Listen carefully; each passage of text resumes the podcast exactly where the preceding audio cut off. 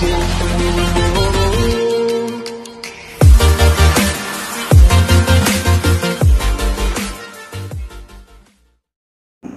lagi bersama kami di Beyond Education Podcast Yeay. bersama Pak Doni. Halo semuanya teman-teman. Segar sekali Pak hari ini Pak. Alhamdulillah habis wudhu. Habis ya. Jadi, Kalau saya pakai segar. baju merah jadi semangat Pak. Oke siap dikorbanin. Kalau Mas saya itu tersayang mau kurban sih. Bukan ya seperti biasa Pak pada siang hari ini kita akan eh, sharing-sharing Oke. lagi Pak hal-hal Siap. yang bermanfaat terkait pendidikan, coaching, motivasi dan eh, parenting. Insya Allah. Siang hari ini kita akan mengobrol tentang apa Pak? Kita akan berbicara mengenai dunia coaching di dunia pendidikan. Coaching di dunia pendidikan ini sangat menarik nih Pak ya. Ya. Karena kan kita mengetahui bahwa coaching itu atau coach seorang coach itu biasanya tidak lazim dipanggil dalam sebuah dunia pendidikan biasanya. Ya. Biasanya kalau di dunia bisnis ada coach bisnis. Tapi emangnya coach dalam dunia pendidikan itu seperti apa sih Pak? Oke.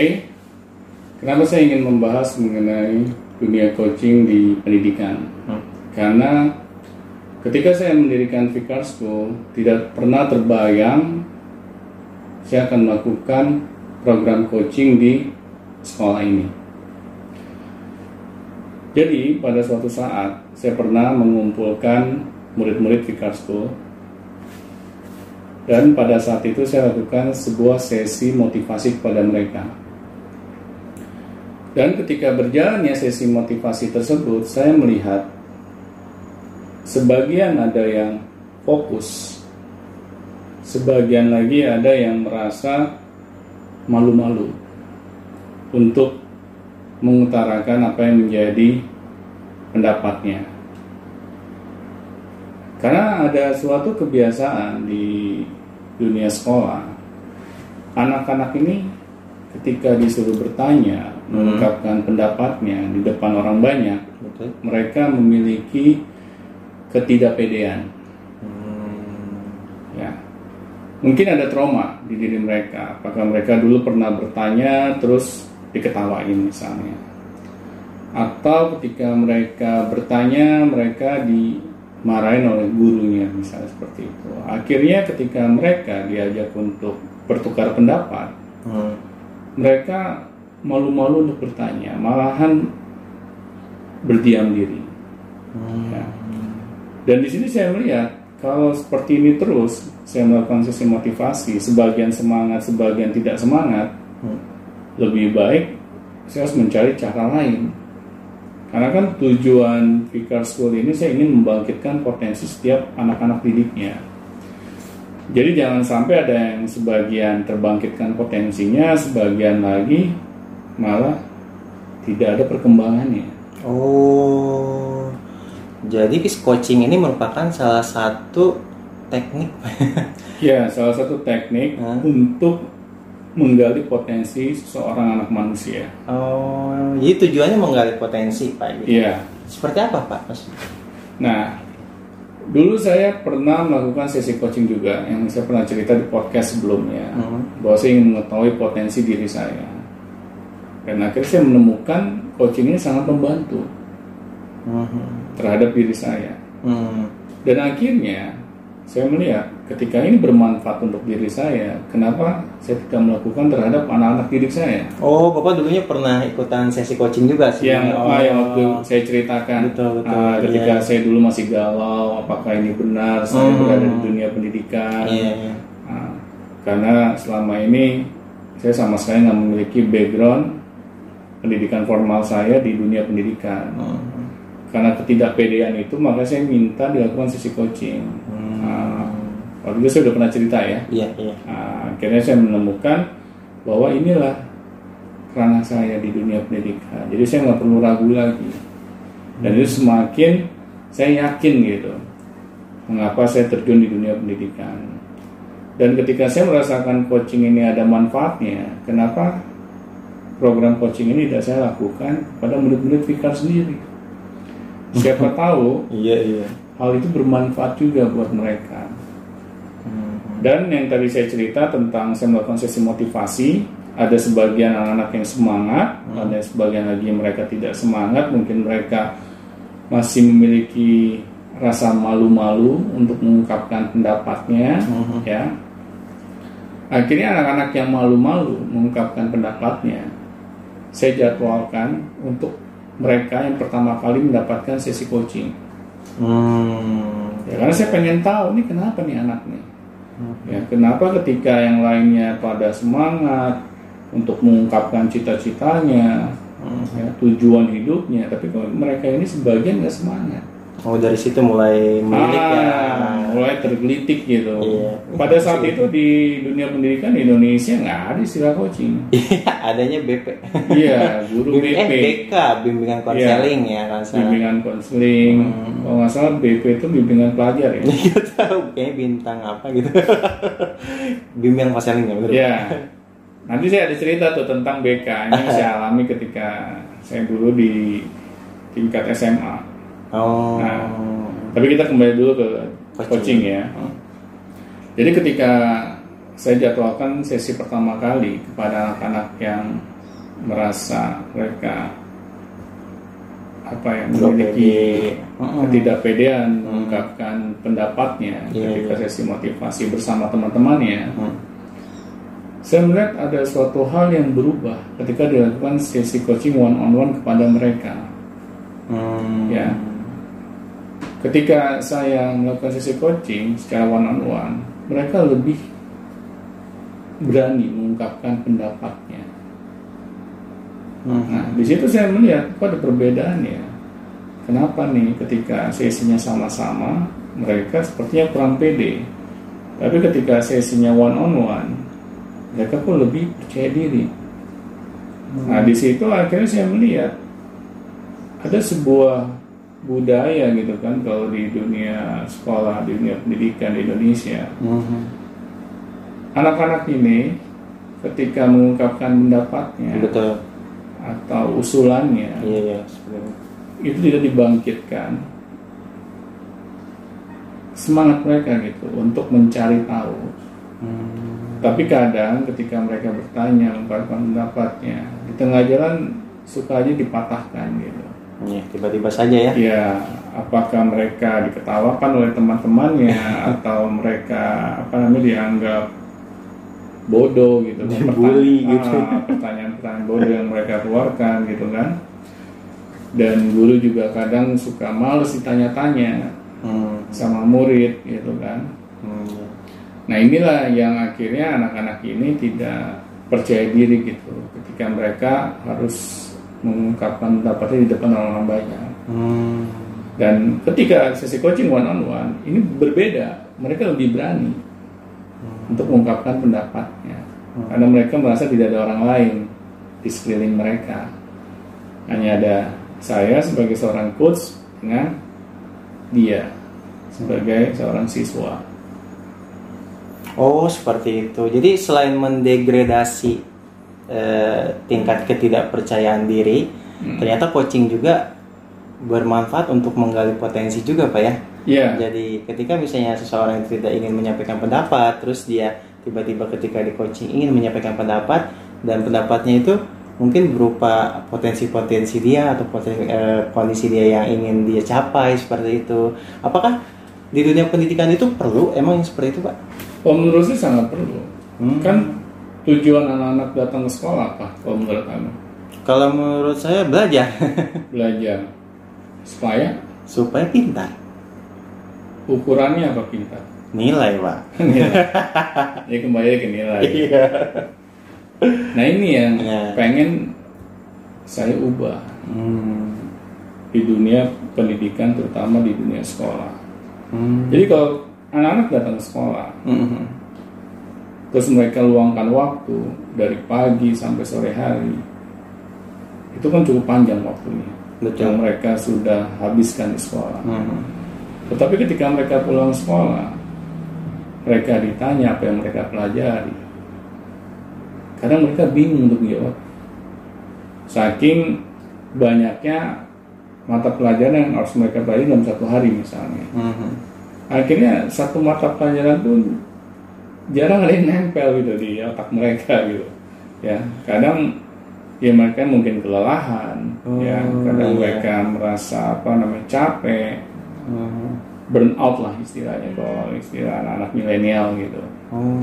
nah oleh karena itu kan ketika saya bikin sekolah Pika School ini saya ingin bikin sekolah tuh yang benar-benar dapat membangkitkan potensi anak di luar akademis Iya. Ya, karena akademis ini, kalau menurut saya pribadi, cukuplah pelajaran-pelajaran yang memang mereka butuhkan Hmm. untuk mereka dapat meraih cita-citanya. Oh, berarti kalau coaching itu orientasinya bukan akademis, tapi adalah cita-cita dan tujuan hidupnya gitu. Ya, jadi untuk tepatnya membangkitkan potensi mereka, Hmm. yang tujuannya mereka dapat meraih cita-citanya. Hmm. Ya, tapi sesi coaching dengan anak-anak dan dewasa itu berbeda. Iya, Ya, kalau dewasa lebih kompleks biasanya. macam-macam ditanya. Ah, macam-macam. Tapi kalau untuk anak-anak dan remaja, ya itu hanya seputar dunia mereka. Tapi mereka di sesi coaching ini, kita buat mereka ini fokus terhadap tujuan hidup mereka. Ya. Hmm. Tapi ketika mereka curhat tentang masalah pribadi, keluarga, itu hanya sebagai selingan agar mereka dapat apa ya dalam tanda kutip itu tenang Iya, iya. ya ketika mereka sudah mengutarakan segala masalah-masalah yang mereka miliki Hmm. ya terus mereka sudah merasa lega masalah-masalah itu sudah ada orang yang diajak curhat ya orang yang diajak bicara Hmm. Dan ketika itu mereka sudah merasa bisa mengendalikan diri mereka akhirnya mereka bisa fokus untuk kita gali potensi mereka tujuan hidup mereka Oh, iya, iya. jadi coaching itu bukan menggurui Mhm. ya coaching itu bukan hanya menasihati Oh ini udah masuk ke teknis pak ya? Masuk teknis coachingnya ya jadi saya sedikit aja saya nggak akan ngebahas banyak teknis Hmm. coaching karena apa karena itu harus memerlukan effort yang berbeda Hmm. ketika kita ngebahas uh, teknis Coaching, coaching, hmm, Nah, betul. tapi sekarang kita akan Sedikit-sedikit membahas aja. ya Iya. mengenai mengapa sih harus coaching Iya. ya terus manfaat coaching itu apa Mhm. ya kenapa coaching ini ada di dunia pendidikan Mhm. kenapa Vikar School ini sebagai pelopor untuk dunia coaching ini karena kita kan sudah melakukannya dari tahun 2011 Mhm. Ya di mana saat itu mungkin sekolah-sekolah masih apa ya kurang awareness gitu tentang dunia coaching ini di dunia pendidikan Iya, karena saya juga baru dengar Pak ya, maksudnya ada coach di dalam struktur sekolah. Iya. karena ini unik gitu, maksudnya bukan unik lagi, emang kayaknya satu-satunya gitu ada coach, coach. Emang coach itu kan yang yang sering kita dengar sih, coach itu adalah pelatih bola, gitu kan. Iya. Coach ya, misalnya dunia olahraga. pelatih dunia olahraga. Hmm. Nah, memang ketika misalnya anak-anak ini di coaching itu, apakah mereka itu eh, bisa dari kecil atau misalnya sudah besar saja, Pak, yang sudah besar-besar aja, atau misalnya ada batasan umurnya dengan kondisi coaching seperti ini, Pak? ya coaching dengan batasan umur ya Mhm. Kalau menurut saya sih coaching itu bisa dilakukan kepada anak-anak ketika anak itu udah mulai bisa diajak berkomunikasi. Hmm, iya, Ya, iya. ketika anak sudah bisa diajak berkomunikasi, Hmm. pada saat itu lah kita bisa melakukan sesi coaching. Tapi bahasa-bahasa coaching yang kita berikan itu juga harus mereka pahami. Iya, iya. Nah, jangan kita ngomong sama anak SD, tapi kita ngebahas hal-hal yang mereka tidak mengerti. Mhm. ya misalnya tentang masalah kehidupan gitu terus masalah apa namanya eh, politik ya kan nggak nyambung gitu kan kita ngajak ngobrol anak SD tapi kita ngebahas masalah politik Oh, iya, Ya kan? iya, betul, betul. Nah, terus masalah yang lagi ngetren nih saat ini konspirasi gitu. jadi kan nggak nyambung gitu kan kita harus berbicara kepada anak-anak itu bahasa-bahasa yang mereka pahami Hmm. dari hal yang simpel aja apa yang mereka sukai apa yang mereka minati Hmm. apakah mereka sudah punya cita-cita Hmm. apakah mereka sudah uh, mengenal berbagai macam profesi yang ada seperti itu. Oh, berarti dibedakan ya Pak dengan bahasanya, dengan pendekatannya. Iya. Itu antara SD, SMP, SMA itu memang Pastinya sesuai umurnya. sesuai umur ya. Oh, yang seorang coach itu harus pandai di situ ya Pak ya. Iya, karena apa? Agar sesi coaching ini dapat berjalan dengan efektif. Hmm. Nah, kenapa saya merasa coaching ini efektif? Pernah suatu saat saya mengikuti sebuah workshop, tapi saya nggak akan menyebutkan nama workshopnya karena ini nggak etis, ya. Pada saat itu si anak ini katanya sudah melakukan tes bakat minat. Tetapi setelah dia melakukan tes bakat minat, dia tetap saja tidak mengetahui apa yang menjadi bakat dan minatnya. Dan pada saat itu saya bingung gitu. Anak ini sudah melakukan tes bakat minat, tetapi kok masih belum tahu potensi dirinya apa, cita-citanya apa. Dan ketika diadakan sesi coaching one on one, saya dipasangkan oleh anak tersebut. Dan ketika saya dipasangkan anak tersebut sebagai coach saya, mulailah saya bertanya mengenai hal-hal yang sifatnya menggali potensi dia.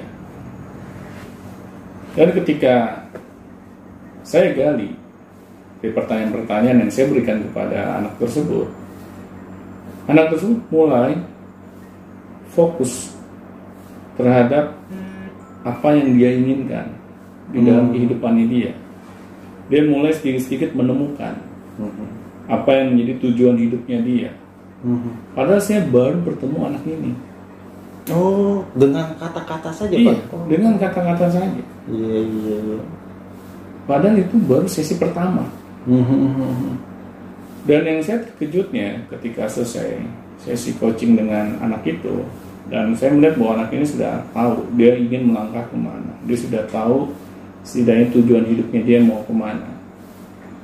Dan setelah sesi coaching, kami setiap orang-orang yang mengikuti uh, sesi coaching, kalau istilahnya di dunia coach itu coaching pro bono.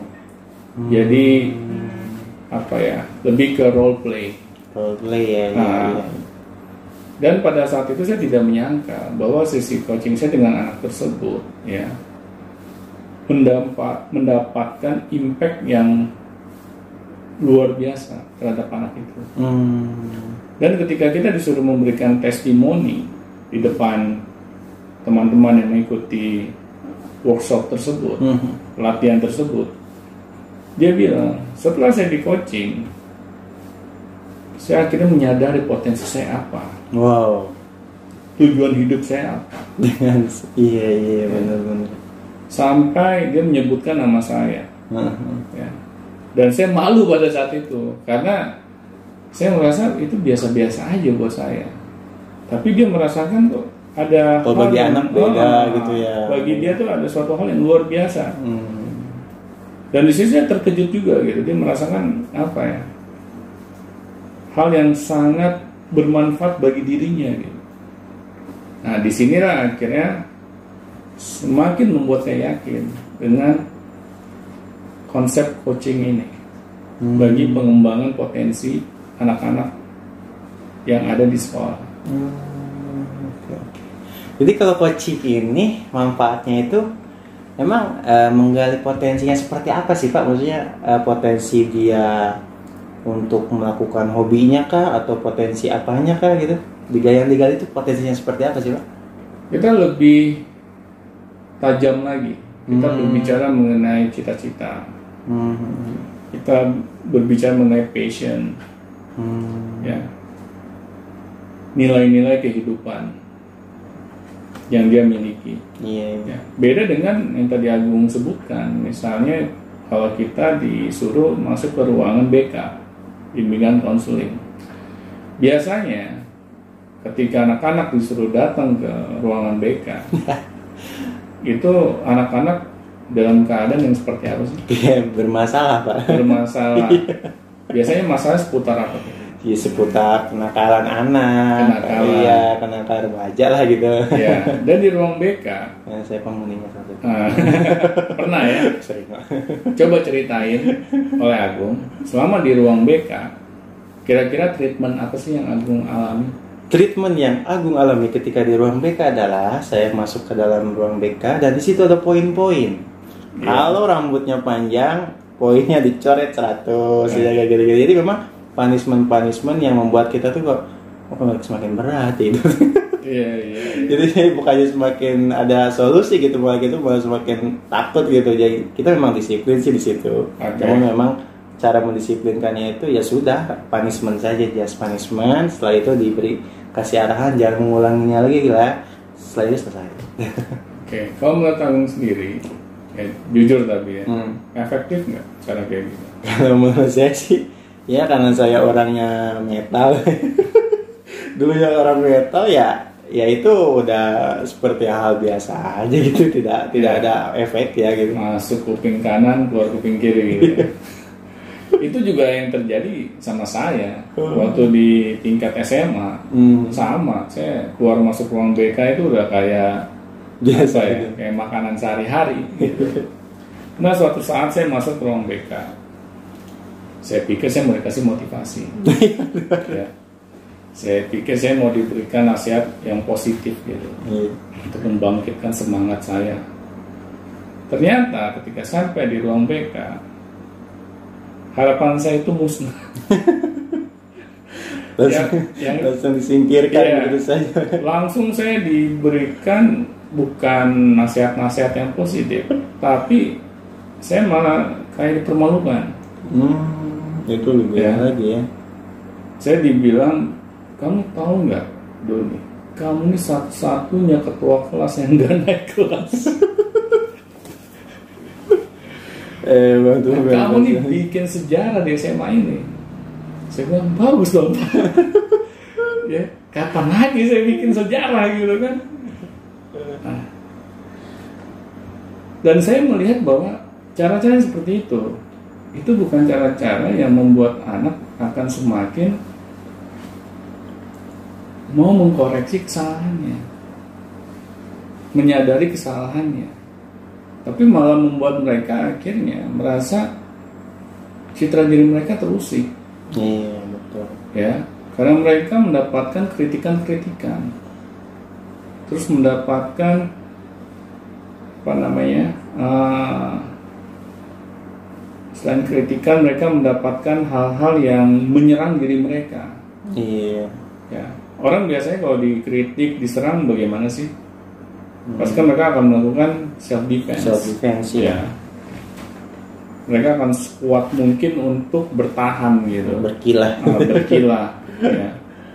Akhirnya ketika kita melakukan self defense, nasihat mereka bisa masuk nggak sih ke dalam diri kita? Oh, iya. Mungkin karena itu ya di BK itu nggak ada yang masuk ya.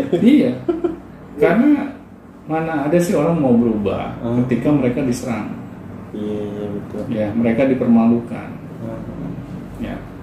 Mereka kan punya harga diri juga. Anak-anak ini, remaja ini, Hmm. ya bukan berarti mereka masih anak-anak terus mereka nggak punya harga diri siapa bilang. Iya, waktu itu aku sempat dijemur tuh nggak pakai Nah, baju, itu betul. kan, kena lapangan. Wah, Wow, ya. vitamin D kan. Untung itu masih masih zaman zamannya ini apa ya, zaman zamannya loncat pagar itu. Iya, itu kan seharusnya nggak nggak boleh dilakukan di dunia pendidikan, di dunia sekolah, cara-cara kekerasan seperti itu. Hmm. Karena masih banyak kok cara-cara mendidik anak yang lebih elegan. Ya. Hmm. ya kita harus bisa mengambil hati mereka. Ya. Nah, coaching ini itu paling mudah untuk mengambil hati anak-anak. Oh, iya. Karena kita sebagai pendengar yang baik bagi mereka. Jadi ketika sesi coaching bukan kita sebagai coach yang banyak ngomong, Hmm. banyak nasihat, banyak menggurui. Kalau seperti itu, ini yang mau kita coba perbaiki ini anaknya apa Kitanya. diri kita yang sudah puas gitu kan mengungkapkan kejengkelan-kejengkelan kita selama ini gitu. Iya, iya, Ya, betul. kan kita untuk anak Hmm. berikanlah waktu untuk anak untuk bercerita. Hmm, oh di situ berarti ya. Ya, jadi sesi coaching ini kita sebagai coach itu membuat si anak-anak ini ya mereka dapat bercerita dengan bebas Hmm. Ya. Iya iya iya. dan kita komitmen di depan mereka bahwa sesi coaching ini ini sifatnya private Hmm. kita tidak akan selesai sesi coaching terus kita mulut kita ember kita ceritain ke orang-orang gitu mengenai masalah anak ini ya karena itu akan mempermalukan Oh. ya Iya. kita komitmen kita nggak akan menceritakan ke siapa pun tentang masalah mereka Hmm. kehidupan mereka hanya kita dan anak kita yang tahu meskipun saya ingin bercerita kepada orang tuanya misalnya Hmm. saya izin dulu pada anak tersebut. apakah boleh Hmm. saya cerita ini ke orang tua kamu Iya. Oh berarti ketika anak itu bermasalah, biasanya kan treatmentnya itu hanya punishment dan Hmm. beberapa hal yang memang membuat me- mereka itu melakukan self defense. Iya. Namun di coaching ini berbeda ya pak. berbeda Ketika anak itu bermasalah, malahan dia itu diberikan sesuatu yang impactful yang Hmm. bisa merubah sifat dia dan membuatkan potensi dia gitu. Iya. Oh. Wah, tanpa mereka sadari Iya. iya. karena suatu saat ada seorang murid saya masih calon murid ya Hmm. waktu itu saya diminta oleh bapaknya untuk ketemu dengan anak ini si bapaknya udah merasa menyerah dalam mengarahkan anak ini gitu. Ketika saya ketemu anak ini saya tidak langsung menjudge dia. Saya tidak langsung menggurui dia atau menasihati dia. Kira-kira menurut Agung pertanyaan apa yang pertama saya ucapkan kepada anak ini Ya mungkin ketika seperti itu pertanyaannya adalah eh apa mesti apa tujuan kamu gitu apa gimana? ya Heeh. itu udah mendekati Iya seperti itu. saya tanya ke anak ini Heeh. apa yang menjadi cita-citanya dia Iya tujuan hidupnya. Ya. gitu. dan akhirnya anak itu kaget ketika saya tanya di awal seperti itu Apa nih? yang dia merasa udah siap-siap nih saya ceramain gitu Iya kan. udah siap-siap mau Ah. ngeyel gitu kan Ah. tiba-tiba apa gitu?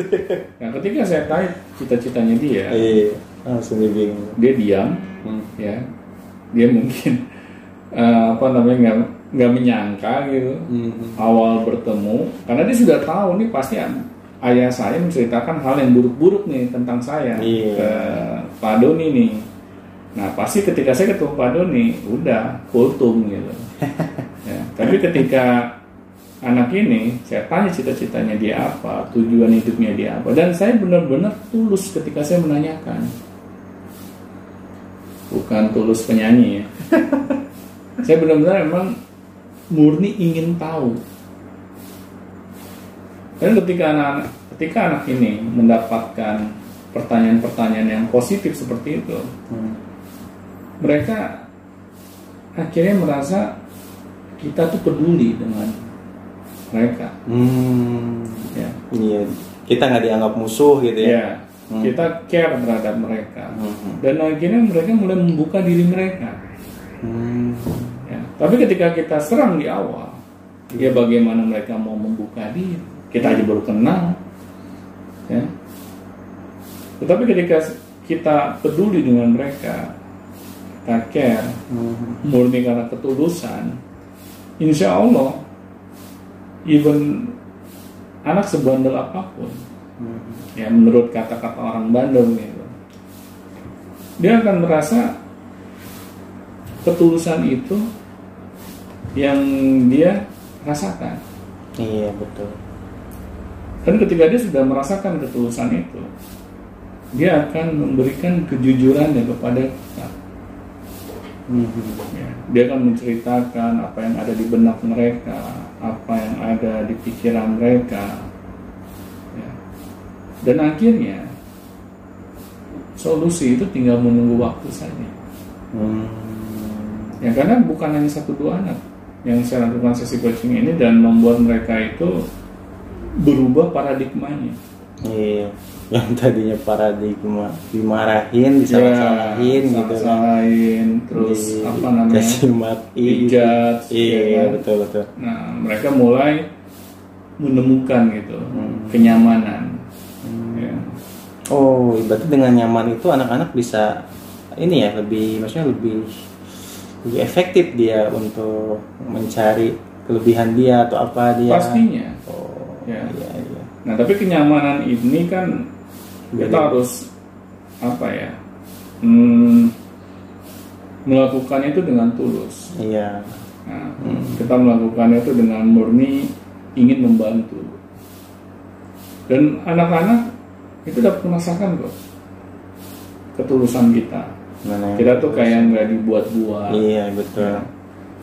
Dan pernah ada satu case lagi nih yang benar-benar saya masih mengingatnya gitu sampai sekarang padahal sudah lama, sudah sangat lama ya terjadi. Jadi anak ini sampai dibilang orang tuanya ini anak pak dari kecil sampai dewasa sampai remaja maksudnya itu sudah punya niat memang tidak baik kepada orang tuanya makanya dia kami titipkan kepada kalau di apa namanya kalau di Islam tuh ustadz Mhm. Ya. orang yang istilahnya mengerti agama. Kami titipkan di situ pak di rumah ustadz tersebut misalnya. Mhm. atau di rumah pendeta itu. Loh kok sampai begitu pak? Kok bapak titipkan? Iya. Nah, kenapa nggak di rumah saja? Terus kita datangi ustadz tersebut atau pendeta itu untuk menasihati anak kita iya kenapa sampai dititipkan? Karena kami udah angkat tangan pak.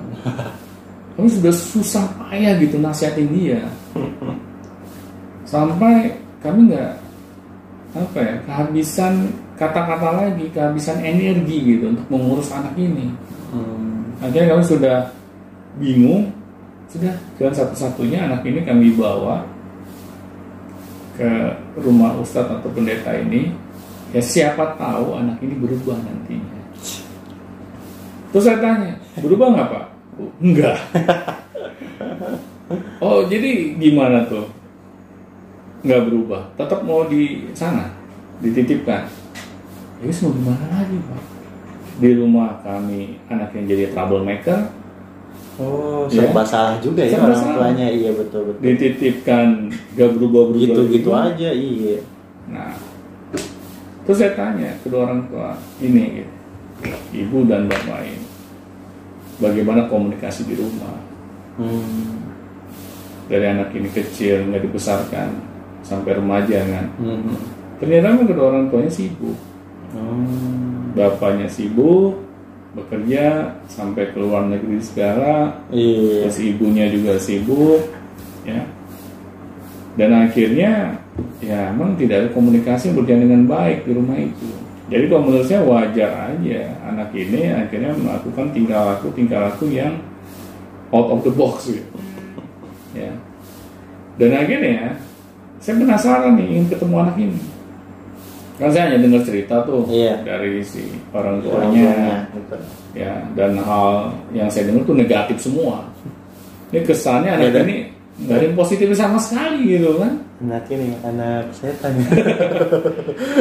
Nah cuman lucunya kenapa saya penasaran pengen ketemu anak ini? Kan biasanya orang kalau diceritain gitu kan masalah pasti kita menghindar. Iya iya lah daripada kita ngadepin Iya. masalah itu kan tapi saya malah enggak. Oh. saya malah ingin ketemu anak ini. Saya pengen tahu nih anak sejelek apa sih yang diceritakan orang tuanya itu apakah benar gitu? Hmm.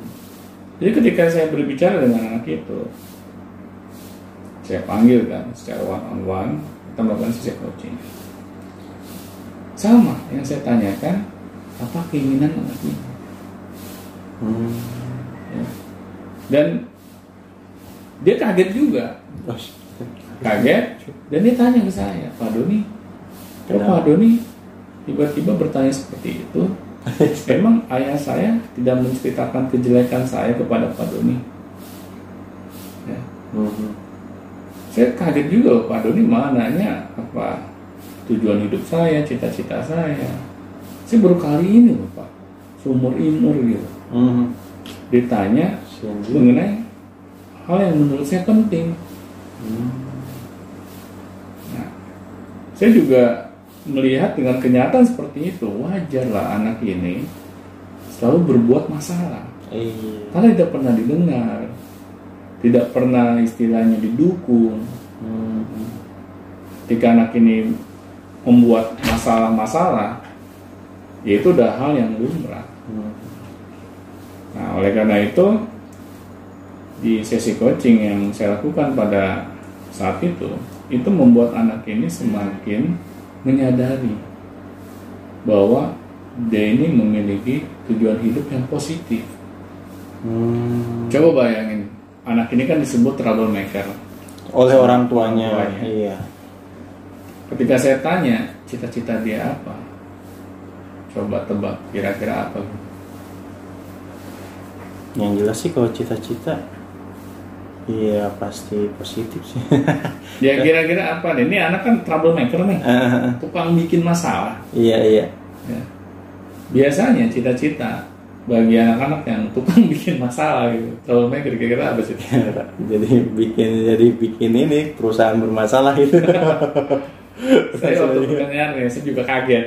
Oh, Nah, dia dia cerita misalnya, Hmm. Pak Doni, saya ingin menjadi seorang psikolog. oh. Hmm, pengen jadi psikolog?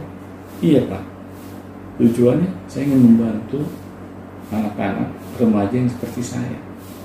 Hmm. Saya pengen mereka bisa lebih baik dibandingkan diri saya. Hmm. Coba bayangin, anak yang disebut troublemaker, Iya. kurang ajar, Hmm. bandel, Faktanya seperti itu. faktanya mereka memiliki tingkat kepedulian yang tinggi pada sesama. Iya betul. Nah di situ akhirnya membuat saya semakin menyadari tidak ada anak-anak yang pengen jadi anak-anak kurang ajar. Hmm. Tidak ada anak-anak yang pengen menjadi anak yang bandel. Iya. Ya. Hanya orang-orang dewasa aja yang di sekitar mereka yang kita salah persepsi. Iya. Nah di situ saya melihat bahwa sesi coaching ini efektif. Hmm, oh berarti kalau misalnya ada anak nih, dia dia rasa eh, bukan dia rasa ya orang tua merasa bahwa anak ini bodoh. misalnya dia fisikanya hancur, apanya hancur gitu, belajarnya hancur. Tapi dengan coaching ini kita bisa menemukan sisi eh, apa Positifnya. powerfulnya gitu, maksudnya eh, dia punya itunya di mana gitu, passionnya Iya, atau apa? karena kan coaching tadi yang saya sebutkan Hmm. kita sifatnya nggak menggurui, Iya iya betul tidak betul. mengajari, Iya. ya. Tapi kita berusaha untuk care, Iya. Kita tulus terhadap mereka, Sehingga- kita pengen tahu diri mereka. Iya, sehingga potensi mereka bangkit gitu ya. Bangkit. Oh, Dan bangkit itu tanpa harus kita paksa. betul betul betul. Hmm. Kan selama ini ketika kita ingin potensi seseorang itu bangkit, Hmm. harus kita paksa, harus kita marah-marahin, harus kita istilahnya bentak-bentak malah Hmm. biar mereka itu disiplin misalnya, biar Iya. mereka itu sadar. Nah, padahal hal itu nggak efektif kalau menurut saya. Hmm. Iya begitu iya. Apalagi dengan kondisi era yang sekarang, Pak ya. Jangan era yang sekarang, Era yang era yang dulu. dulu juga sama. Karena apa? Dulu aja saya pernah dimarah-marahin oleh guru. Hmm. Saya malah benci sama guru tersebut. Hmm. Saya malah awas ya kalau gua SMA, badan gua lebih besar, gua hantem. malah saya punya pemikiran kayak gitu, gitu. malah dendam. Iya. Padahal guru itu nasihatin ya, Pak. Bukan nah sekaligus mukul gitu. Ya. ya. Nah ini kan saya melihat bahwa era saya dan Iya. era anak sekarang sama aja. Iya. Kan sama-sama manusia, punya harga diri, Hmm. ya, sama-sama punya rasa sakit, Iya. ya. iya. Jadi nggak ada bedanya anak dulu sama sekarang. Cuman dulu nggak ada YouTube, sekarang ada YouTube. Ya, dulu nggak ada Instagram, sekarang ada Instagram. Oh, jadi emang relevan ya untuk era sekarang dan kan juga- human being maksudnya Hmm. kita sebagai seorang manusia pasti memiliki itu semua Hmm. dari dulu sampai hari ini gitu cuman kita dulu berlaga anak-anak itu bisa kita lakukan semena-mena kalau sekarang nggak bisa karena dikit-dikit guru atau orang-orang yang istilahnya apa namanya berbuat tidak baik itu bisa kita tuntut secara hukum. Iya, bedanya seperti itu. Mungkin saja. bedanya seperti itu. Iya betul betul. Jadi sekarang lebih hati-hati. Nah, kalau dulu kan kesannya kayak bebas gitu. Hmm. Ya, dan dan di sini itu tidak baik menurut saya. Hmm. Sampai seorang pendidik atau orang tua memperlakukan anaknya misalnya dengan kasar. Hmm. Nah, seperti itu. Jadi selain untuk membangkitkan potensi, terus untuk eh, kita melakukan eh, care terhadap anak-anak, coaching itu ternyata berguna juga untuk apa? Bermanfaat juga untuk memanusiakan manusia ya pak ya. Tepat sekali. Jadi di, di segala era coaching ini tidak akan pernah tertinggal Insya Allah konsepnya. tidak. Oh iya betul. Sampai ketika saya sudah merasakan manfaat coaching ini, Hmm, hmm, hmm. Saya mengambil sertifikasi yang waktu itu untuk tingkat internasional. Saya ini pengen tahu bagaimana sih ketika saya mendapatkan sertifikasi apa-apa aja sih yang harus saya pelajari untuk menjadi seorang coach yang profesional. Tapi memang ada perbedaan karena Betul. sertifikasi itu, itu kan untuk orang-orang dewasa. Hmm, hmm, Kita- mengcoach orang-orang dewasa. hmm, hmm. Nah, tapi ketika anak-anak ya kita harus ubah gaya kita. Nah itu Nah, yang kita yang sesuaikan. yang orisinilnya di situ pak Malah kan Iya. biasanya kita untuk orang dewasa nih untuk anak gimana nih gitu Iya, kita Jadi sesuaikan ide dengan, kita tuh Oh, dengan iya. tingkat psikologisnya anak-anak Hmm. dan remaja harus kita sesuaikan gitu. Kita nggak bisa menyamaratakan karena akan berbeda. Hmm. Kadang kan anak juga butuh dimotivasi, Hmm. ya, butuh juga diberikan semangat. Hmm. Karena wajar, mereka kan database-nya belum banyak. Hmm. Nah, di situlah kita sebagai seorang coach untuk dapat bukannya sebagai seorang coach, juga sebagai seorang motivator misalnya. Oh. Nah, jadi anak tersebut merasa bahwa gue ini worth it loh. Kehidupan gue ini gue perjuangkan. Ya, cita-cita gue ini gue perjuangkan. Jadi ketika sesi coaching itu selesai, anak-anak ini memiliki semangat yang berbeda dibandingkan sebelumnya. Dan Oke. itu yang kita harapkan. Iya betul.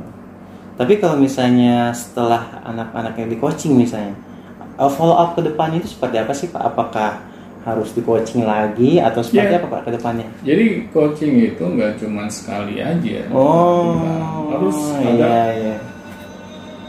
Kontinuitas. Hmm. Nah, Jadi kontinuitas itu memang coaching itu kalau misalnya uh, mau tidak mau ya Pak ya, karena Hmm. kan kondisinya sesuatu yang memang uh, bersifat kita ingin menggali potensi itu tidak cukup hanya satu kali ya, Iya. jadi harus terus terus oh, terus. malah ketika anak dari usia sedini mungkin, ya misalnya start dari SD, Mhm. tapi ketika anak-anak ini sudah bisa diajak berkomunikasi Iya, dengan iya. baik, Mhm. itu sudah bisa dilakukan. Mhm. Ya, tapi harus continue. Continue ya. ya So- sampai mereka istilahnya uh, bisa menentukan tujuan Hmm. hidupnya apa Oh. dan itu terus kita maintain Iya. Hmm. Iya sih, emang nggak ada kalau zaman sekolah saya. Ya nggak ada di Iya. zaman sekolah saya juga nggak ada Iya. kalau dulu saya apa ya? paling dikasih angket sih sukanya main apa ya sekolah apa nih oh udah sekolah ini aja suka gitu ya itu karena apa ya saya juga melihat coaching ini saya temukan secara tidak sengaja hmm. yang tadi saya bilang kan Mhm. bahwa awalnya saya ingin memberikan sesi motivasi nih Hmm. bagi anak-anak Hmm. Tapi kok ada sebagian yang semangat ada sebagian yang kurang semangat mereka hanya berdiam diri ya. ya hanya istilahnya tidak berkata-kata Mhm. nah saya tapi tidak memarahi mereka Nah, cuman setelah sesi motivasi itu saya, Hmm. saya mikir bagaimana nih bisa membangkitkan anak-anak yang kalau di dunia pengembangan dis- disebut introvert Hmm. ya. Nah, kemarin ada tuh kasusnya introvert saya Introvert. introvert. Seorang introvert itu tidak mungkin mengatakan diri Iya. introvert. Saya introvert. Nggak usah. Itu bukan introvert. Oh. itu lebay skip skip. Ya, jadi kalau saya sih melihatnya anak-anak yang introvert ini yang disebut introvert ini yang pendiam Hmm. mereka sebenarnya belum tahu saja Hmm. bahwa sikap pendiam itu kurang bagus. Iya. Nah, kalau apa-apa diam, apa-apa tidak mau mengungkapkan istilahnya pendapat mereka, pemikiran mereka itu salah. Kalau Hmm. mereka hanya bisanya diam, tapi nggak apa-apa mereka kan masih belum matang pemikirannya. Iya. Nah di sini kita bantu, situ makanya ya. saya cari tahu metode apa nih Oh, nah, iya, yang, benar, yang bisa membangkitkan potensi anak-anak ini. Hmm. Dan saya mencoba waktu itu awal awalnya saya hanya trial dan error dulu. Iya pastilah Nah, sesuatu saya pakai coba coaching Hmm. dan ketika saya pakai coaching ternyata kok efeknya positif Hmm. ya malah anak-anak dari pertemuan pertama aja itu sudah bisa menentukan apa tujuan hidupnya karena anak-anak ini tidak memiliki apa ya namanya pemikiran-pemikiran yang belum banyak yang negatifnya Iya radikal gitu. Iya di diri mereka jadi masih pure jiwa mereka itu Iya. iya. Nah, jadi ketika kita berikan hal yang positif mereka dapat cepat paham Hmm. Nah, tapi ketika kita berhubungan dengan orang dewasa, belum tentu di awal pertemuan itu langsung mereka terbuka gitu pemikirannya. Iya, karena orang dewasa ada yang pintar berkilah lah, Iya. ada yang pintar nutup-nutup. Lah ini kita harus lebih effortnya lebih tinggi. Iya, database yang negatifnya banyak banget gitu. Nah, jadi kalau anak-anak dan remaja kan masih nggak begitu banyak, Iya. jadi lebih mudah. Switchnya, Nah, ya oke berarti sangat efektif ya pak ya. hmm. Saya juga baru dengar ini, maksudnya coaching masuk sekolah dan bagaimana sih coaching itu bisa uh, menjadi sebuah sistematis yang uh, efektif untuk Iya. di dunia pendidikan dan ternyata di dunia pendidikan itu coaching juga bukan cuman hanya guru saja yang harus meng, apa harus menguasai tekniknya ya, Iya. tapi orang tua juga sangat penting ya pak ya. Orang tua Hmm. itu juga harus bisa menjadi seorang coach yang baik Hmm. bagi anak-anaknya. Hmm, mungkin terakhir? Ya, jadi menurut saya Hmm. program coaching ini sangat efektif di dunia pendidikan. Mengapa? Karena coaching ini tidak membuat anak-anak ini tertutup potensi mereka. Hmm. Ya. Iya. Tapi coaching ini malah menggali potensi mereka. Beda dengan konsep yang sudah ada saat ini di dunia sekolah, yaitu misalnya dengan konseling, ya, Hmm. sangat berbeda.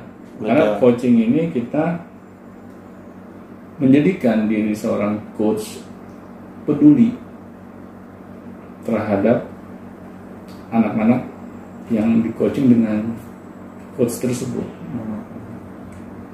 Nah, jadinya dengan kepedulian kita terhadap mereka membuat potensi anak-anak ini dapat muncul ke permukaan.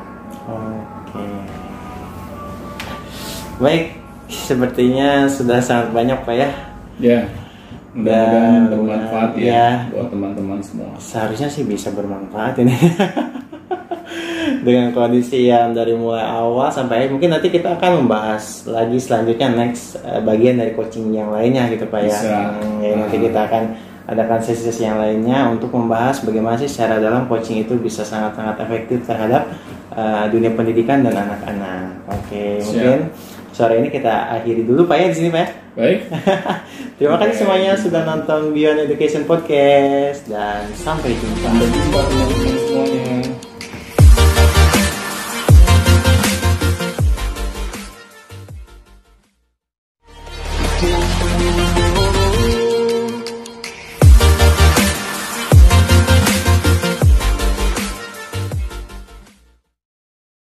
Kembali lagi bersama kami di Beyond Education Podcast. Halo semuanya.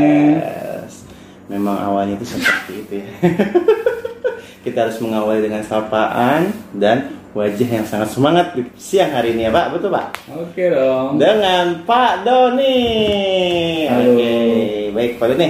Ya, Kita akan mengobrolkan melanjutkan perbincangan yang kemarin Pak ya siap. terkait coaching Pak ya. Ya, ini lebih continue dari pembahasan kita yang kemarin ya. Mm-mm, karena coaching ini sangat menarik pak ya menurut saya dan itu baru terdengar bahwa coaching itu ada di dunia pendidikan itu sih yang bikin twist atau bikin sebuah orang bertanya-tanya terus kelanjutannya seperti apa sih pak?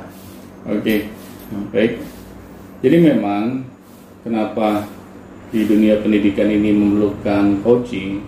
Karena saya melihat bahwa di dunia pendidikan ini perlu adanya terobosan dalam membangkitkan potensi setiap anak-anak didiknya yang ada di sekolah.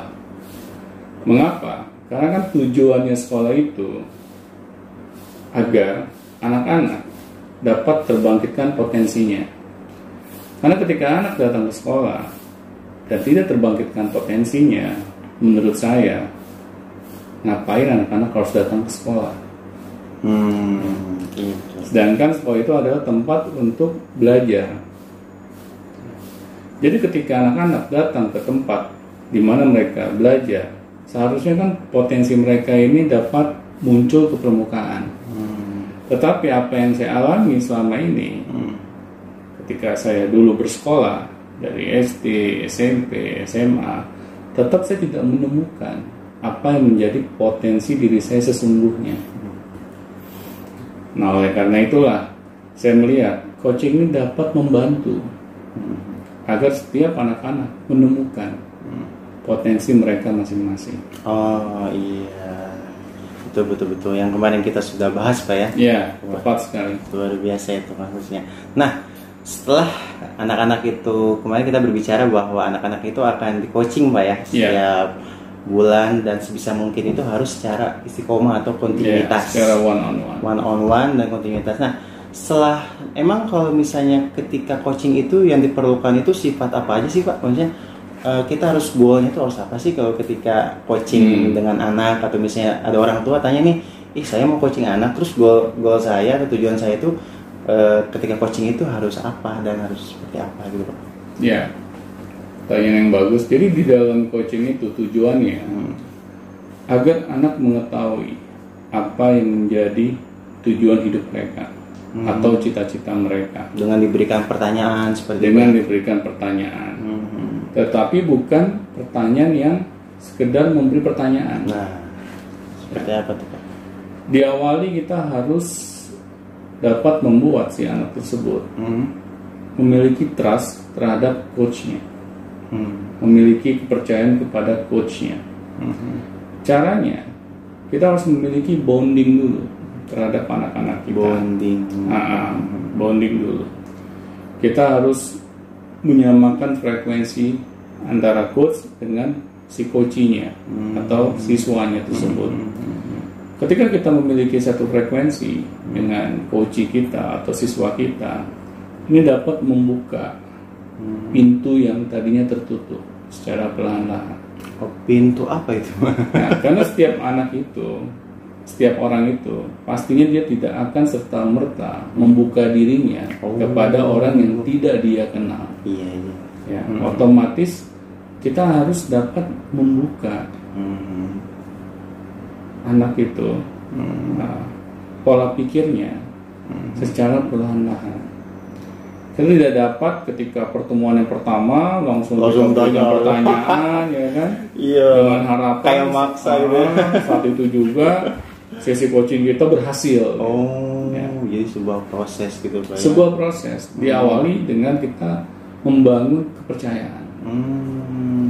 Iya. ya iya, iya. jadi ketika kita membangun kepercayaan otomatis kita harus mengenal Hmm. siapa sosok orang yang ada di depan kita dulu ya. Agar orang tersebut menyama- merasakan kenyamanan dengan diri kita. Ya. Bagaimana sih kalau menurut Agung nih ya Hmm. ketika kita sudah merasa nyaman dengan lawan bicara kita ya atau dengan teman bicara kita apa yang kira-kira kita rasakan gitu Biasanya kalau udah nyaman dengan lawan bicara itu ya terbuka aja gitu mau ngomong apa juga enak ya gitu. Jadi kita akan merasa terbuka Ah, ya iya. kita akan merasa apa namanya trust gitu. ah ini orang kok asik banget gitu Iya, kan iya, dan iya. otomatis kita akhirnya mau membangun yang namanya percakapan Hmm. ya karena ketika kita misalnya kita ketemu orang nih di di jalan Hmm. ya terus tiba-tiba ujuk-ujuk orang ini menghampiri kita terus langsung bertanya ya pada hal-hal yang sifatnya itu private gitu. Iya. Pasti kan kita bingung gitu kan. Ini siapa ini gitu kan? Iya, tiba-tiba nanya Ah, gitu kan. nanya ti- kita tinggalnya di mana, Hmm. siapa orang tua kita, Hmm. terus malah dia nanya nomor telepon rumah kita gitu. Apakah kita berani memberikannya?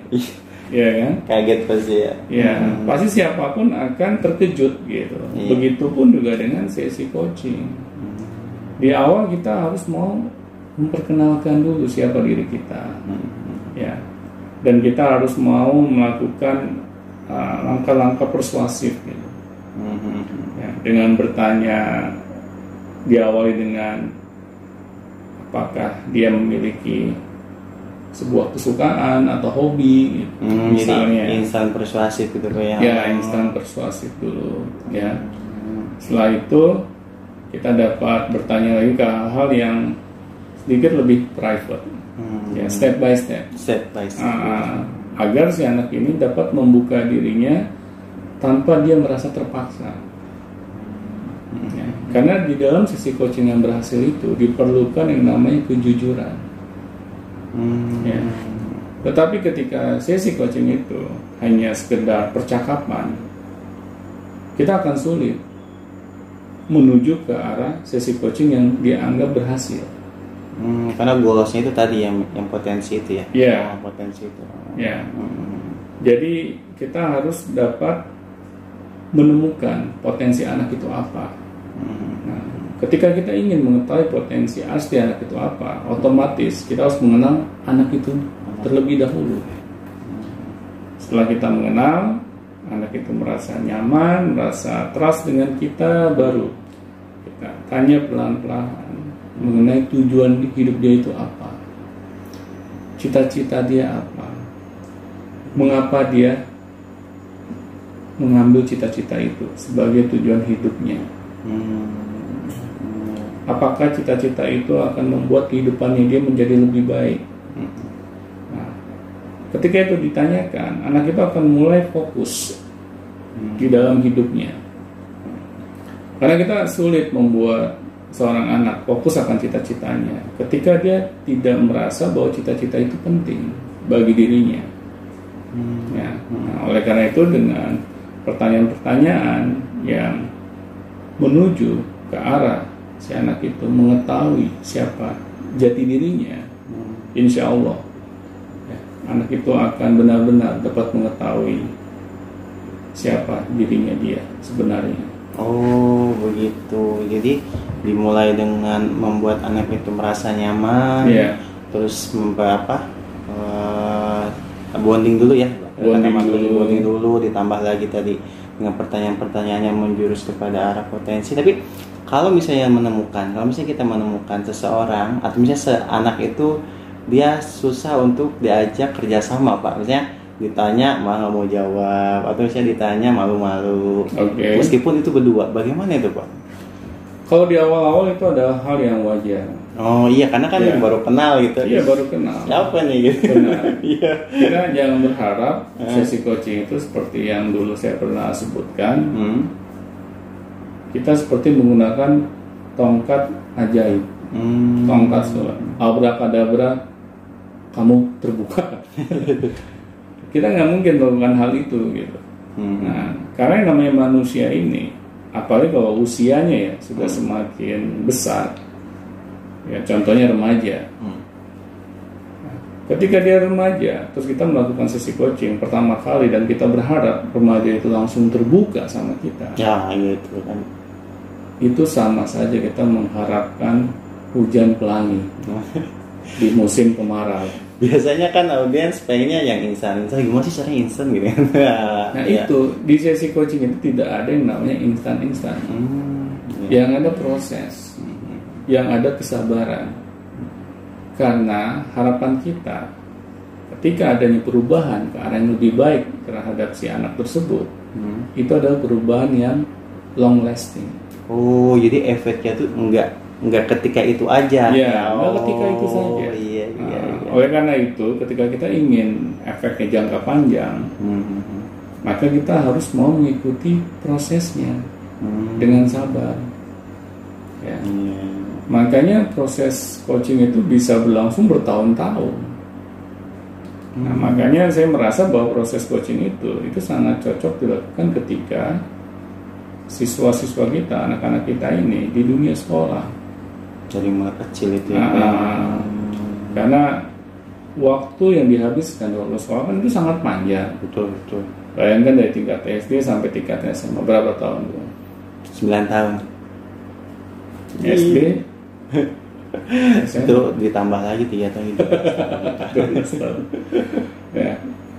12 tahun kan? Hmm. Itu kan waktu yang cukup lama apa sebentar? Lumayan pak. Iya kan? Iya, lama kan? Iya. Ya. Nah, berarti proses coaching itu ketika dilakukan dengan sungguh-sungguh selama 12 tahun tersebut, Mhm. insya Allah hasilnya itu menuju ke arah yang lebih baik dibandingkan waktu yang sebentar. Iya juga ya pak. Jadi kalau misalnya, jadi sebenarnya coaching itu kebutuhan pak ya. Pastinya, Maksudnya- coaching itu kebutuhan. Iya karena kan kebanyakan orang bahwa menganggap potensi itu akan hadir di tahun-tahun SMA mereka tidak. Iya. Ternyata ketika kita melihat struktur eh, apa struktur kehidupan yang biasanya kita jalani ya. Mm-mm. Karena kan 12 tahun itu kita ke apa sekolah di SMA tuh. Mm. Nah, setelah lulus SMA kan pasti langsung kuliah tuh. Hmm. Itu udah udah nggak ada spare lagi kita ayo untuk eh, mencari potensi kita tuh harus sudah tahu potensi kita tuh apa gitu ya. Jadi Benar. jadi jadi nggak ada lagi tuh istilah apa namanya salah jurusan ya. Ya itu. Oh iya. Karena di iya, Indonesia ini masih dianggap salah jurusan itu adalah hal yang wajar. iya. Mm-mm. Padahal menurut saya itu bukan hal yang wajar, itu hal yang bodoh. Iya, itu berarti udah berla- berlarut-larut selama ribu-ribu tahun ini pak ya. Mhm. Itu suatu efek domino yang maksud saya kasarnya itu ya blow on gitu. Mhm. Ya, kita udah tahu nih kita akan menghabiskan waktu di kuliah ya Pendidikan. dengan energi yang luar biasa, biaya yang juga nggak sedikit. Mhm. Tapi kita salah jurusan. Iya, tapi nggak kepake gitu. Yang terpakai di dalam kehidupan kita di masyarakat. betul betul Nah. itu yang jadi penasaran tuh. Apakah itu bukan hal yang mubazir menurut aku? Betul. Ya. Sangat mubazir pak itu. Mubazir kan, padahal di agama mana pun boleh nggak kita melakukan kehidupan yang mubazir? Yang Ya, sia-sia. pasti dilarang kan kita melakukan hal yang sia-sia tapi kenapa kita lakukan Hmm. nah di sinilah yang membuat uh, apa namanya saya juga merasa bahwa hal itu harus ada perubahan Hmm, betul. jangan dianggap ini hal yang wajar lagi gitu kasihan anak-anak kita Mhm. ya karena mereka butuh yang namanya kejelasan gitu dalam kehidupan mereka dan di sinilah fungsinya orang-orang dewasa di sekitar mereka ini harus membantu mereka agar mereka dapat meraih Hmm. cita-cita mereka ya bukan dengan lebih cepat ya Betul. tetapi dengan langkah yang benar Yang tepat. Nah. Oh, iya karena kan kebanyakan mungkin yang memang eh, mengikuti struktur sekolah eh, pada umumnya ya pak ya. Hmm. Memang mereka itu sangat-sangat membutuhkan hal itu sebenarnya karena kan ketika melang- melangkah ke jenjang selanjutnya itu perlu pertimbangan gitu kan. iya Bah- pertimbangan, banyak di situ iya banyak di situ hanya mengandalkan misalnya yang eh, unit terfavorit Favorit. gitu kan terus jurusan terdidik padahal itu tidak sesuai dengan potensinya dia Iya. gitu Oh, apalagi ditambah dengan orang tua orang tua yang me- apa memaksa mereka untuk masuk ke sana iya Wah. itu akan menjadi bumerang iya betul Iya. betul betul ya seperti kita menyuruh monyet Mhm. Monyet kan biasanya senang memanjat pohon ya. iya Tapi kita menyuruh monyet untuk berenang. Hmm. Coba bayangkan bagaimana perasaan si monyet itu. ya. iya, iya. Seharusnya yang kita suruh berenang siapa? Monyet atau ikan? ikan Ikan kan? Hmm. Agar agak lancar berenangnya pak nah, karena itu sudah alamnya. Alamnya ikan berada di air, bukan di darat. Hmm. Ya. Seperti kita menyuruh burung ya untuk memanjat pohon. Seharusnya burung ngapain? terbang terbang kan di angkasa kan Mhm. bukan manjat pohon seperti monyet gitu Hmm. Nah, manusia juga seperti itu. Dia memiliki tugas mereka masing-masing Hmm. yang diberikan oleh Tuhannya, Hmm. ya, agar mereka dapat saling berkolaborasi selama kehidupan mereka di dunia. Hmm. Hmm. Ya.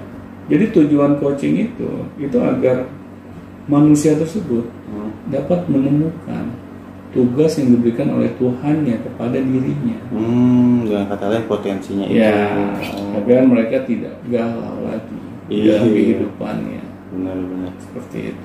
Iya. Iya sih, memang betul. Jadi memang butuh Pak ya. Iya, pasti butuh. Karena memang udah kodratnya manusia. iya, mau tidak mau dan manusia itu nggak bisa cuman dites sekali misalnya dites IQ atau tes minat bakat sekali aja Iya. gitu. Kebanyakan kan kalau saya dulu waktu di SMA ya seperti itu. Hmm. Nah, dites sekali aja itu berlaku untuk seterusnya. Selamanya gitu kan. Iya, iya selamanya itu aja patokannya. Padahal tidak bisa seperti itu, Pak. Tidak bisa yang harus itu. kontinuitas dan Iya. harus tetap berproses. Oke.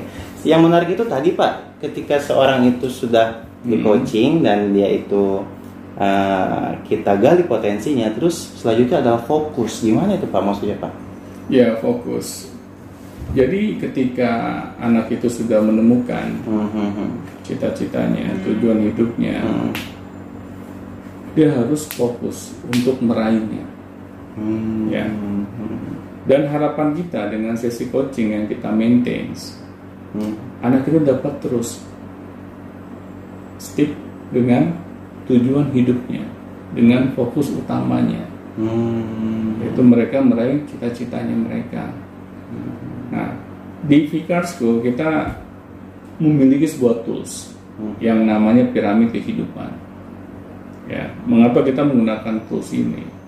Ternyata ketika kita ingin meraih sebuah tujuan, kita harus memiliki sistematikanya agar tujuan tersebut mudah untuk kita raih. Iya, nggak ngawang-ngawang gitu Ya, ya. ada, toolsnya. Oh, iya. ada step by stepnya. Ya, dan itu harus di maintain oleh coachnya. Nah, coachnya harus mengingatkan terus menerus agar si anak ini dapat fokus dengan apa yang menjadi cita-citanya. Karena wajar yang namanya juga anak-anak, remaja, kadang ketika mereka sudah melakukan sebuah sesi coaching, mereka ada di luar sekolah, mereka mendapatkan influence-influence dari luar, Berubah, ya, gitu. Nah, mereka berubah lagi. Ah iya benar-benar. ya. Dan itu sangat wajar karena anak-anak ini remaja ini itu sangat gampang terpengaruh. Nah tugas kita sebagai seorang coach untuk membuat anak ini kembali fokus. Nah oleh karena itu butuh waktu yang cukup lama secara konsisten gitu jadi kita kayak menanam Benih gitu ya. benih ke anak ini Hmm. ya, menanam database ke anak ini Iya iya iya. ya agar anak ini dapat terus menerus diingatkan ya jadi bagaimana sih ketika kita setiap hari misalnya kita bercocok tanam nih Hmm. ya ketika tanaman itu sudah kita tanam di tanah tugas kita berikutnya apa Kalau orang yang lupa dibiarinnya jadi alang-alang gitu. terus mati menyiramnya. ya menyiramnya Hmm. memupuknya nah tugas seorang coach itu seperti orang yang sedang bercocok tanam Oh. agar tanaman yang kita rawat ini ya Hmm. bisa menjadi subur, Tumbuh. bisa menghasilkan buahnya Iya, betul. yang sangat banyak, yang ranum, ya kan? Hmm. Anak-anak pun juga seperti itu. Ya. Hmm. Jadi anggap saja kita sebagai seorang coach ini kita sedang bercocok tanam terhadap anak tersebut, agar anak tersebut ya dapat terbangkitkan potensi mereka yang sesungguhnya. Oh seperti itu. Iya iya. Jadi harus ini ya repetition gitu pak ya. Repetition Hmm. ya kita harus sabar. Bagaimana sih ketika seorang yang sedang bercocok tanam? Nggak mungkin kan ketika kita baru menanam benih terus mengharapkan ada buah yang langsung kita dapat petik kan nggak mungkin. Oh. ya.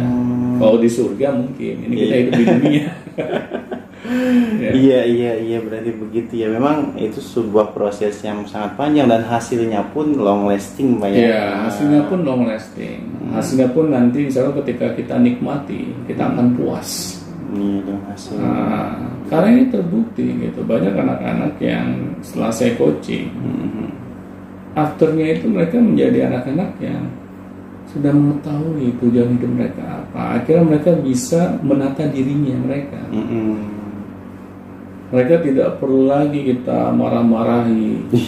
Uh, kita tidak perlu lagi kita bentak-bentak agar mereka mau bangun pagi atau enggak mereka mau mengejar cita-citanya. Kalau kita mau sabar ketika kita dalam proses bercocok tanam tersebut. Hmm. Ya, karena anak-anak ini bukan robot kan. Yang ketika kita setel, Langsung. ya, kita perintah, Oh, langsung iya. kerjakan gitu. Nah, Iya. tapi anak-anak ini ya butuh sentuhan-sentuhan ya yang membuat mereka itu merasa dihargai. Mereka merasa dihormati. Dan akhirnya ketika mereka merasakan hal-hal tersebut, mereka merasa punya kesadaran Hmm. untuk melakukan hal yang positif yang ada di dalam kehidupannya. Seperti itu. Ini biasanya anak muda yang ya zaman saya, zaman sekarang juga masih Hmm. trending sih istilah ini Pak. Jadi ada yang namanya pencarian jati diri. Wah, Oh ya, itu kan ya. jati diri? Sampai sekarang saya juga masih belum tahu tuh jati diri. Jadi bagaimana itu Pak dengan istilah-istilah seperti itu? Ada ada hubungannya kah dengan coaching Pak? Ya, yang tadi yang saya sebut di awal bahwa manusia itu pasti memiliki tugas dari Tuhan ya. Hmm. Mengapa sih mereka hidup di dunia ini? Hmm. Ya, ketika kita tidak mengindahkannya, Hmm. ya, kita hanya fokus gitu, bagaimana caranya mencari sesuap nasi. Saya meyakini manusia tersebut tidak akan menemukan Hmm. tugas dari Tuhannya. Hmm. Ya. Karena tugas dari Tuhan itu merupakan jati diri mereka. Itu. Ya. Jadi ketika Tuhan menugaskan diri kita, misalnya, ya mohon maaf ya, ini biasanya profesi yang dianggap remeh oleh sebagian besar orang. Iya. Misalnya menjadi tukang sapu. Iya betul. Ya. Hmm. Karena kita merasa diri kita ini tukang sapu, Hmm. suatu profesi yang istilahnya nggak layak atau banyak menurut kata orang ini profesi yang apa namanya dianggap sebelah mata akhirnya kita bekerja dengan asal-asalan kita tidak memberikan yang terbaik di dalam profesi kita itu Nah, kalau kita mau menyadari hal itu ya, bahwa meskipun kita menjadi tukang sapu itu adalah tugas yang mulia yang telah Tuhan berikan kepada kita. Ya, kita akan bekerja dengan sungguh-sungguh. Bahwa kita sadar Tuhan melihat kita. Apa yang kita lakukan selama kehidupan kita di dunia. Ya. Di sini yang kita kadang kurang aware gitu, kita kurang sadar bahwa setiap profesi itu adalah hal yang baik ketika profesi itu tidak melanggar aturan agama kita nggak perlu malu Betul. ya Hmm. kadang orang tuh lucu gitu Iya. ketika dia melakukan korupsi dia bahagia Iya, bangga ya. karena dia anggap dia telah berhasil Betul. ya mendapatkan sesuatu Hmm. tanpa ketahuan ya tapi ketika dia menjadi tukang sapu pada dia melakukan pekerjaan yang istilahnya jujur dan itu suatu pekerjaan yang tidak dilarang oleh agama malah dengan dia menjadi tukang sapu dia dapat membuat lingkungan menjadi bersih dan kebersihan itu juga adalah salah satu bagian dari iman Hmm. kenapa dia mesti malu inilah paradigma-paradigma ini yang memang kita harus sama-sama mau untuk mengubahnya Hmm. ya jangan lagi istilahnya anak-anak kita kita cekokin gitu dengan hal-hal yang negatif gitu Iya. ya bahwa pekerjaan itu yang keren itu yang istilahnya Dokter. diidam-idamkan itu Hmm. dokter pengusaha Hmm. ya tapi kita tidak menjelaskan ke anak-anak tersebut mengapa sih kita harus menjadi seorang dokter Hmm. ya mengapa sih kita harus menjadi seorang pengusaha jangan lagi kita kaitkan dengan uang semata Iya, dengan penghasilan biasanya. Kamu Iya. bakalan kaya nak kalau jadi dokter. gitu. iya. kalau iya. apa-apa kita korelasikan dengan berapa jumlah uang yang akan kita miliki Hmm. saya meyakini kehidupan di dunia ini akan runyam Hmm. karena tujuan kita ini bukan lagi apa yang diinginkan Tuhan kepada diri kita? Tetapi apa yang nafsu kita inginkan? Ya, pastinya nafsu yang negatif bukan yang positif. Ya. kalau kehidupan selalu diutamakan nafsu kira-kira menurut Agung keadaan dunia ini tuh akan seperti apa Dia akan berjalan tidak seimbang gitu. jadi Pasti. sesuai dengan maunya si ini, si ini lah, si ini lah. Iya, kita akan selalu bermain dengan ego Hmm, iya Ya. betul. otomatis akan terjadi yang namanya kekacauan Hmm. ya karena ketika ego yang diutamakan pastinya yang ada permusuhan Hmm. ya persaingan yang tidak sehat ya siapa yang kuat yang akan berperan di situ ya. yang lain pasti akan merasa ditindas dengan keadaan ya. kalau kehidupan seperti itu terus pastinya kan kehidupan kita nggak akan nyaman Nah, oleh karena itu kita harus sadar setiap manusia itu punya tugas kehidupan mereka masing-masing Hmm. yang harus kita cari tahu.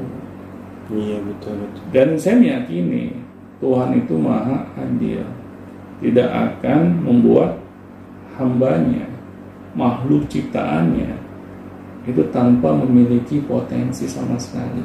Iya udah dikasih ya semuanya. Sudah ya. sudah dikasih. Betul betul betul.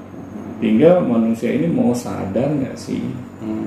gitu dengan potensi yang sudah dimiliki atau dia merasa dirinya tidak memiliki potensi sama sekali Ada tuh yang kayak gitu kok ya. ada Aduh, apa sih Ya.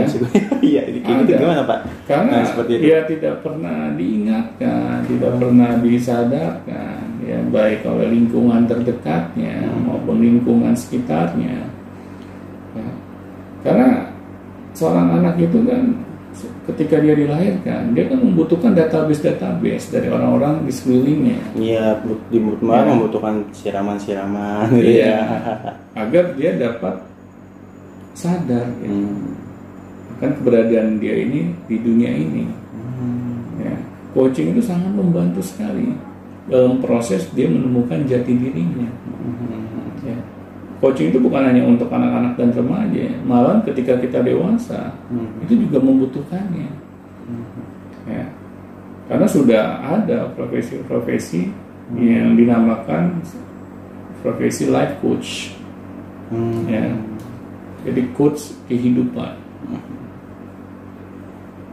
Oh, jadi seperti itu ya Pak. Jadi menarik ya. Ternyata coaching itu tidak hanya eh, mengaitkan potensi dan lain, tapi di situ juga harus hadir yang namanya maunya Tuhan. Jadi kita harus sadar gitu ya dalam Iya. kehidupan ini kita harus tahu eh, kita itu punya Tuhan dan maunya Tuhan seperti apa itu akan lebih meningkatkan efek dari coaching tersebut ya Pak. ya? benar Oh.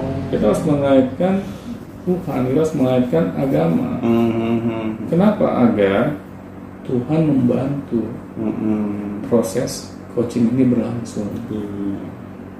Betul. jadi kita tidak merasa bahwa proses coaching ini adalah yang membuat anak ini berubah nggak bisa Iya. tetap Tuhan yang merubah anak ini Hmm. Karena kalau coaching itu proses, hanya proses kita ikhtiar ikhtiar, ikhtiar kita Iya. yang terbaik Betul betul. betul. Jadi jujur aja ketika saya belum menemukan coaching ini, Hmm. ya saya mencoba segala hal, Macam-macam. macam-macam. Semua tes pencarian bakat minat sudah saya coba, Hmm. seingat saya gitu. Boleh disebutkan pak?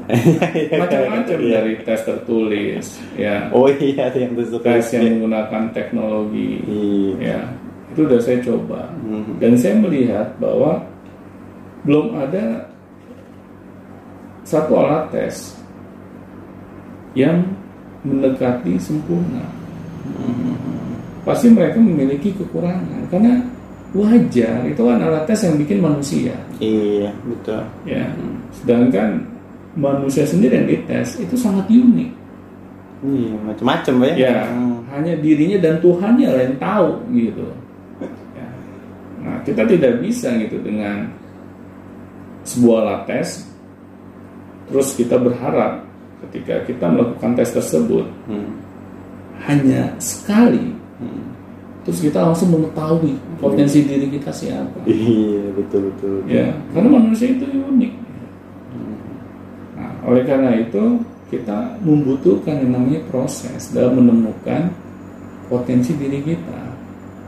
Dan proses tersebut kalau menurut saya pribadi adalah coaching yang Hmm. paling efektif. Iya betul. Karena terus saat ini ya Ah, sampai saat ini yang paling efektif menurut saya coaching. Betul betul.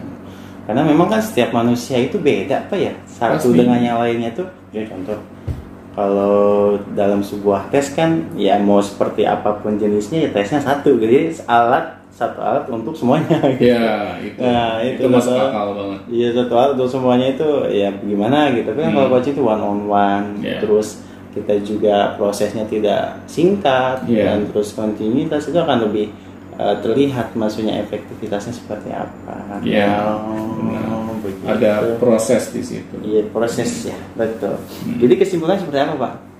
Kalau menurut saya bahwa di dunia pendidikan ini memang sangat membutuhkan yang namanya coaching, Hmm. ya apalagi di dunia sekolah, mumpung masih usia anak-anak dan remaja, Iya waktu betul. mereka masih panjang.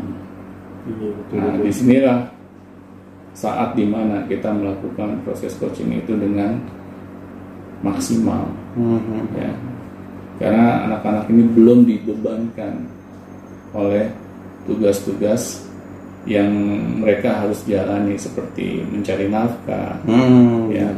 atau mereka harus bekerja ya Hmm. karena ketika mereka melakukan hal itu mereka punya tanggung jawab yang lain dan akan sangat sulit untuk kita dapat fokus gitu dengan apa yang menjadi tujuan hidup kita ketika ada tugas-tugas yang lain yang menanti karena prosesi coaching itu ketika coaching itu tidak bisa langsung kita nggak ngapa-ngapain ya Hmm. setelah prosesi coaching itu selesai tapi kita harus langsung action kita harus melakukan PR-PR yang ada saat coaching itu berlangsung Oh jadi diberikan tantangan PR-PR juga. Pasti. Oh gitu. Pasti. Iya iya Nah, iya. karena coaching itu adalah suatu proses yang walk the talk Mhm.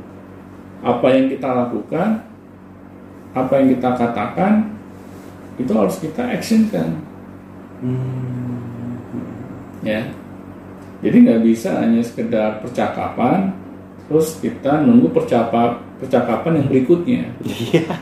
tidak bisa seperti itu Iya hanya percakapan doang. iya yang jadi ngobrol doang gitu Oh. sama kayak kita ngobrol sama temen di mall Oh, berarti ada percakapan, terus selanjutnya ada pencapaian, Pak. ada Ah. pencapaian Oh iya Ah. betul betul. Jadi kelihatan grafiknya gitu ya. ya itu harus kita lakukan Nah, karena usia sekolah ini Hmm. usia anak-anak dan remaja ini menurut saya adalah golden moment Hmm. dan jangan sampai dilewatkan.